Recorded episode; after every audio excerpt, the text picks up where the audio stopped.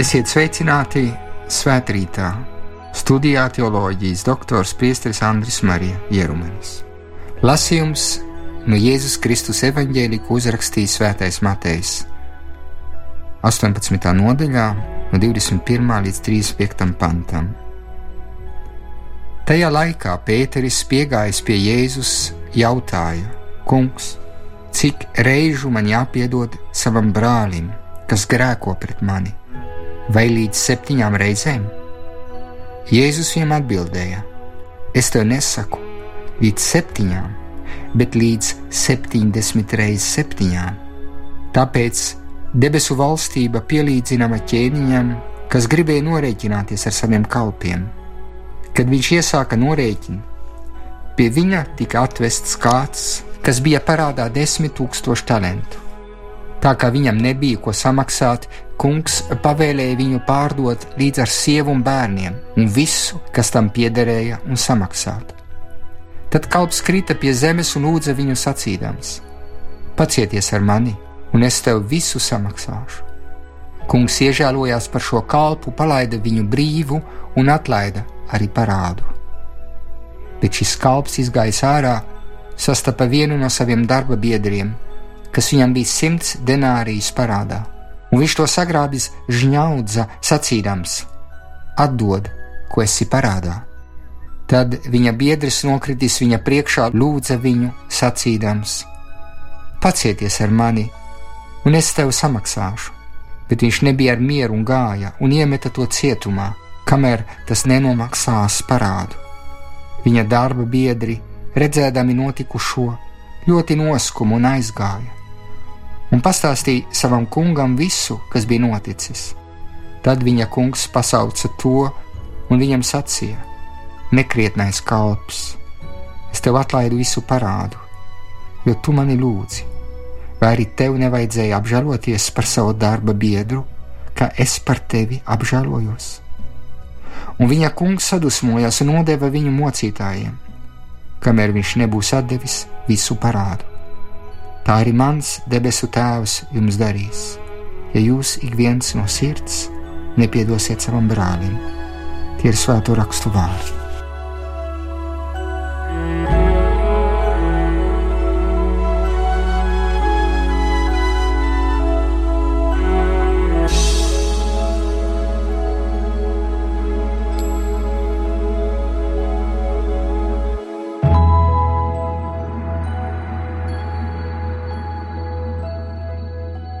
Šīs dienas evaņģēlīja vārdi satur vienu no kristietības pamatvērtībām, ko atrodam arī ārpus kristietības, bet nekad ar tādu radikālu izpratni.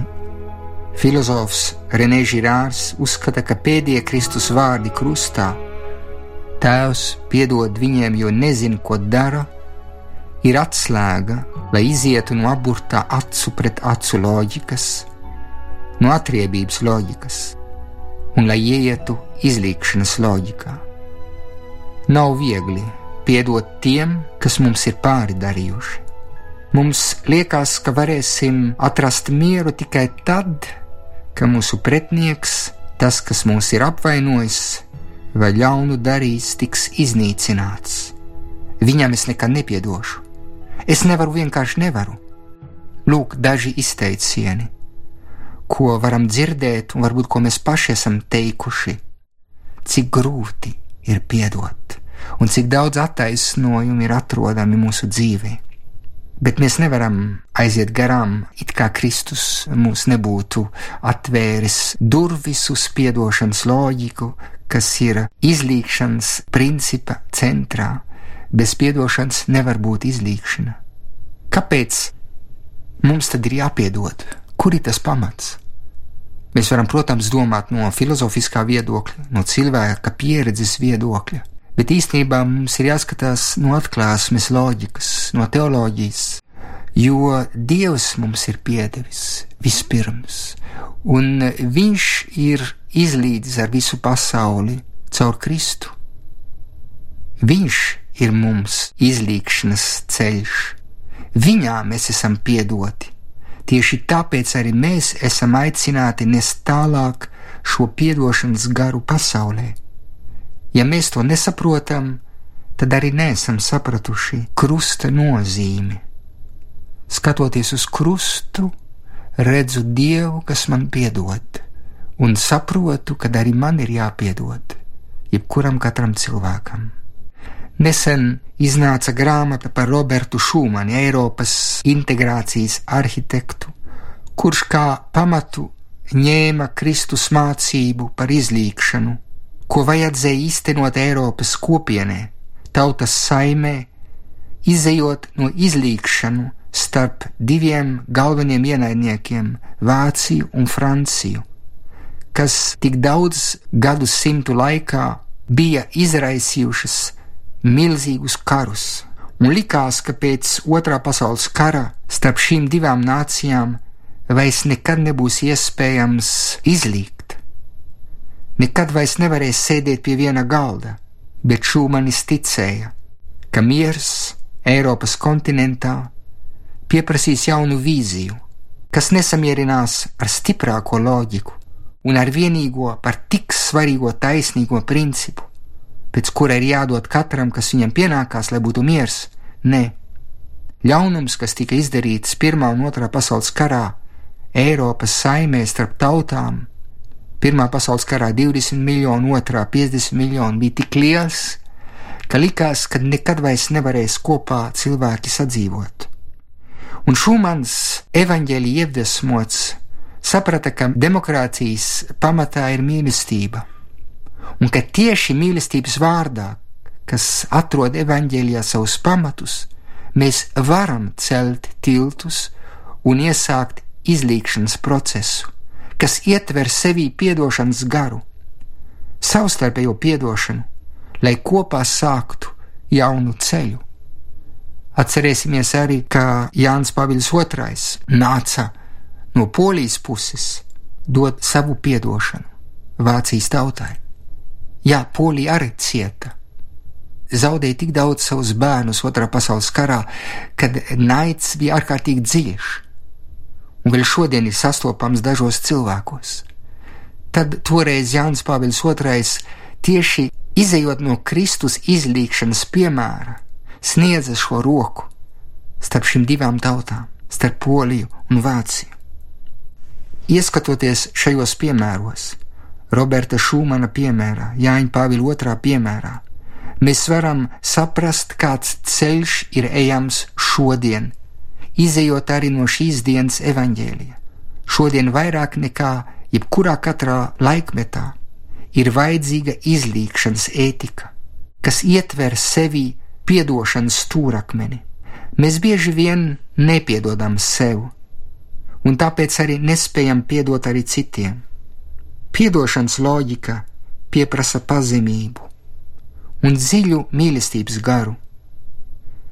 Piedošana ir iespējama, ja patiesi mīlu otru cilvēku, un ne tikai manus draugus, bet ja es sāku mīlēt savus ienaidniekus. Tā ir Kristus radikalitāte, kurā mēs tiekam ievesti caur viņa kalna sprediķi, kur viņš uzsver, ka esam aicināti ieiet jaunā pilnības izpratnē, kas izriet no Dieva tēva pilnības izpratnes. Esiet pilnīgi, kā mans debesu tēvs ir pilnīgs, un pie šīs pilnības pieder piedošanas gars, izlīkšanas gars, žēlsirdības gars. Tas cilvēkiem ir nesaprotams, ja mēs skatāmies tikai no cilvēcīgā viedokļa, jo cilvēkiem ir grūti piedot ar saviem pašiem spēkiem. Tas bieži vien nav iespējams, jo ļaunums, kas tika izdarīts, ir tik liels, ka šeit vajag pārdabisku spēku. Atjaunotam cilvēkam, caur kristībām, kad žēlastība pārņem viņa domāšanas veidu un ar viņu gribu, tad, kļūstot par dieva bērnu, piedošanas gars pārņem viņa dzīvi, un kristietis sāk dzīvot citādāk, atsakoties no atriebības gara Mums ir jāatcerās, ka atdošana arī kristietībā nepaliek kā uzdevums, bet kļūst iespējams ar dieva palīdzību, ar viņa žēlastību. Un kļūst arī iespējams, jo sākam citādi domāt. Piedošana ir iespējama, ja skatāmies no dieva redzes punkta, jo tad sapratīsim, kā dievs mīl katru cilvēku, arī ja viņš ir grēcinieks, arī to grēcinieku, kas mums ir darījis pāri. Tad sapratīsim, ka arī mēs esam grēcinieki, kuriem dievs ir piedevis. Šīs dienas evaņģēlijā piemērs ir pilnīgi skaidrs. Tas, kuram dievs ir piedevis, Tas, kas bija saņēmis žēlastību, nespēja būt žēlsirdīgs ar otru, un tieši tas ir tas, ko Dievs viņam pārmet. Pasaules loģikā dzīvojot, vai izlūkojot Dievu pēc cilvēka skatījuma, iedomājamies Dievu pēc mūsu loģikas un nespējam pieņemt žēlsirdīgu Dieva tēlu, kas ir taisnīgs, bet kā tēvs, kas mīl, kas ir taisnīgs tikai ja ir žēlsirdīgs. Žēlsirdība ir patiešām piedošanas pamatā, un bieži vien žēlsirdības mācība evaņģēlijā mūs traucē, un uzreiz pasvītrojam tikai taisnīguma principu. Taisnīguma koncepcija, kas neietver sevi arī žēlsirdību un piedošanu, nav pilnīga. Tā nevar dziedināt sabiedrību. Taisnīguma pamatā ir arī draudzība, žēlsirdība, piedošana. Kristus mācība šodien par piedošanu to mums atgādina. Piedot, protams, nenozīmē relativizēt patiesību, labumu un sliktuma robežu. Šodien varbūt kāds to varētu domāt. Mēs arī kādreiz tā domājam, bet ja es piedodu, tad jau viss ir relatīvs tad jau nav vairs patiesības, tad jau katrs var darīt ļaunumu. Nē, piedot nenozīmē mazvērtēt izdarīto ļaunumu vai grēku. Piedot pieprasa patiesību, piedošana un patiesība iet kopā. Piedošana pieprasa atzīšanos. Piedošana ir process, kas ir jātīsta kurā mums ir jāieaug, kura otram cilvēkam, kuram mēs piedodam, ir jāieaug. Piedot arī nenozīmē nepieprasīt attaisnojumu. Piedot nozīmē nepalikt vienkārši ļaunuma līmenī un pārcelties pāri, skatīties konstruktīvi uz nākotni un risināt savstarpējus ievainojumus pēc žēlsirdīgā taisnīguma principa. Piedošana ir dzīvības ceļš katram no mums. Piedošana ir dziedinošs spēks. Piedošana atbrīvo cilvēka sirdi no sarūktinājumiem un upura sindroma, kad ievainotājs ieraujās sevi un kļūst par cilvēku, kas ievaino arī citus. Sabiedrībā, kur nevalda piedošanas gars, pieaug arī noziedzība, aug nesaskaņa cilvēki atsvešinājās viens no otra un sāk pat šaubīties par jebkuru katru cilvēku. Un tādā sabiedrībā, kur nav piedošana, arī patiesa demokrātija nevar uzplaukt. Ja esam godīgi, mums katram ir jāiet savā sirdī un jāpārdomā, vai es neesmu arī iesaistīts strīdos, vai zināmā mērā arī nesmu izraisījis šo problēmu. Tāpat iejusties otra cilvēka ādā palīdz saprast un vieglāk piedot. Arī Kristus no krusta iejutās ienaidnieku ādā. Viņš teica šos slavenos vārdus, pēc kuriem mums ir jāvadās: Piedod, Tēvs, viņi nezina, ko dara. Viņš mums māca to, ko psiholoģija mūs nemācīs nekad - lūgties par tiem, kas mums ir darījuši pāri. Viņš ieved mūs tātad daudz dziļāk nekā psiholoģiskais skats uz piedošanas vērtību. Psiholoģija mūs māca, cik piedošana ir svarīga izlīgšanas procesā. Kristus mūs ieved vēl dziļāk. Viņš mums dod pamatu, teoloģisko pamatu, bet viņš mums dod arī spēju ieiet caur lūkšanas garu, šajā jaunā skatījumā, un ieiet arī šī procesā, caur pašu Jēzus Kristus sirdi. Atcerēsimies, ka Kristus pats iestājās par otru cilvēku. Viņš ir tas, kas lūgsies par manu ienaidnieku, ja es lūgšos par viņu. Viņš ir tas, kas man tuvinās ar viņu, jo arī Kristus gribēs viņu glābt, pat ja viņš man ir izdarījis ļaunumu. Tad, kad sākam lūgt par mūsu ienaidnieku, ko Jēzus Kristus mums arī iesaka, izmainās mūsu skatiens uz viņu, un tikai tad spējam spērt soli uz dzīvību, ko mums dod piedošanas gars. Un dzīvības uzvara parādās tieši tad, kad iestājās miers un prieks mūsu sirdīs. Tur saprotam, ka mēs sākam dzīvot. Ja mēs nepiedodam, mēs vienkārši paliekam mūsu sarūktinājumam, aug mūsos ievainojums un īstenībā uzvar mūsu ienaidnieks. Bet ja mēs sākam šo procesu, ja mēs mēģinam piedot, ja mēs sākam lūgt par mūsu ienaidnieku, ja mēs sniedzam roku, tad notiek viens brīnums, izmainās mūsu sirdis un izmainās otra cilvēka sirdis. Bieži vien mēs esam nepacietīgi, aizmirstam, ka Dievs ir pacietīgs ar mums, ar otru cilvēku, un mūsu nepacietības dēļ izjaucam tik daudz. Ja īstenībā piedošana pieprasa spēku, tā ir stipro tikums, kā to pasvītroja Gandijs. Mēs domājam, ka zaudējam, ja piedodam, tieši otrādi - esam stiprāki par mūsu ienaidniekiem. Piedošana tas nav tikai vienu atsevišķu brīžu rīcība. Te ir jākļūst par pastāvīgu sirds stāju, teica kādreiz amerikāņu cīnītājs par afroamerikāņu civilām tiesībām Mārtiņš Luters Kings. Mums ir jāsaprot, ka nav nākotnes bez piedošanas sabiedrībā, arī ne šeit Latvijā. Tad, kad mēs gribam risināt mūsu problēmas, celt jaunu sabiedrību, tad, kad mēs vēlamies risināt korupcijas problēmas, tām nebūs pozitīvas sekas, ja tās paliks tikai atriebības līmenī, ja neveidosies paralēli piedošanas gars.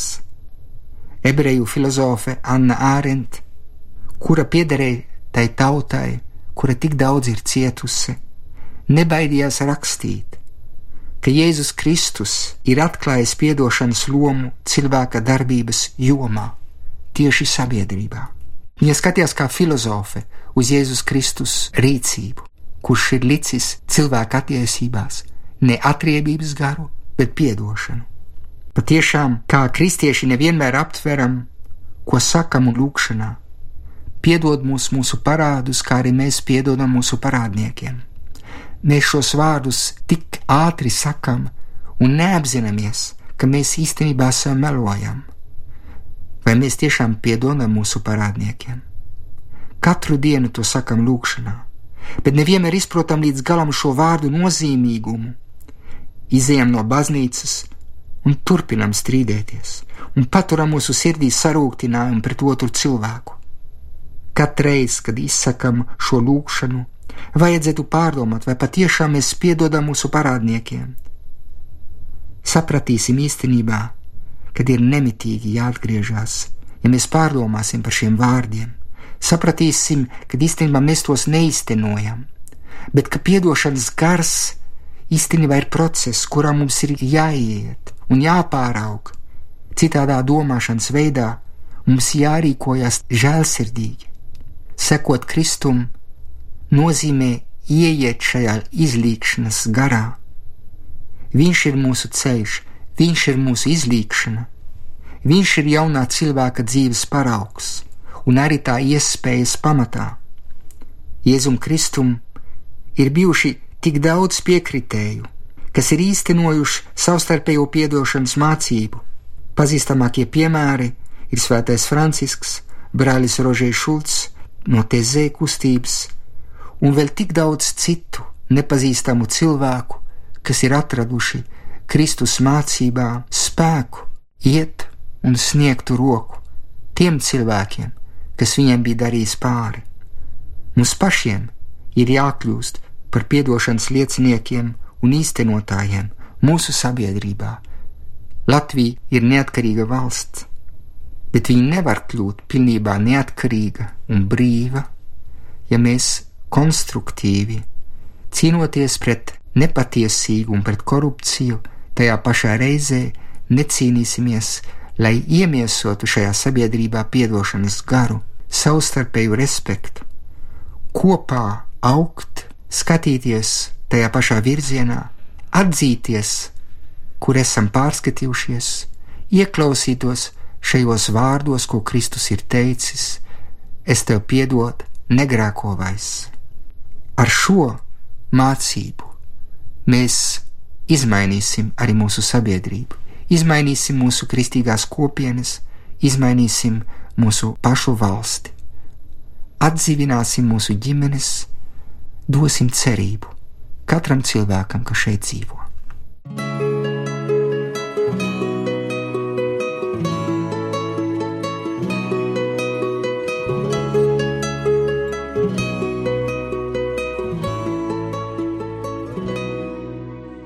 Tēvs mūsu, kas esi debesīs, svētīts lai top tavs vārds, lai atnāktu tava valstība, tavs prāts, lai notiek kā debesīs, tā ir virs zemes. Mūsu dienascho maizi dod mums šodien, un piedod mums mūsu parādus, kā arī mēs piedodam saviem parādniekiem, un neieved mūsu kārdināšanā, bet atpestī mūs no ļaunā.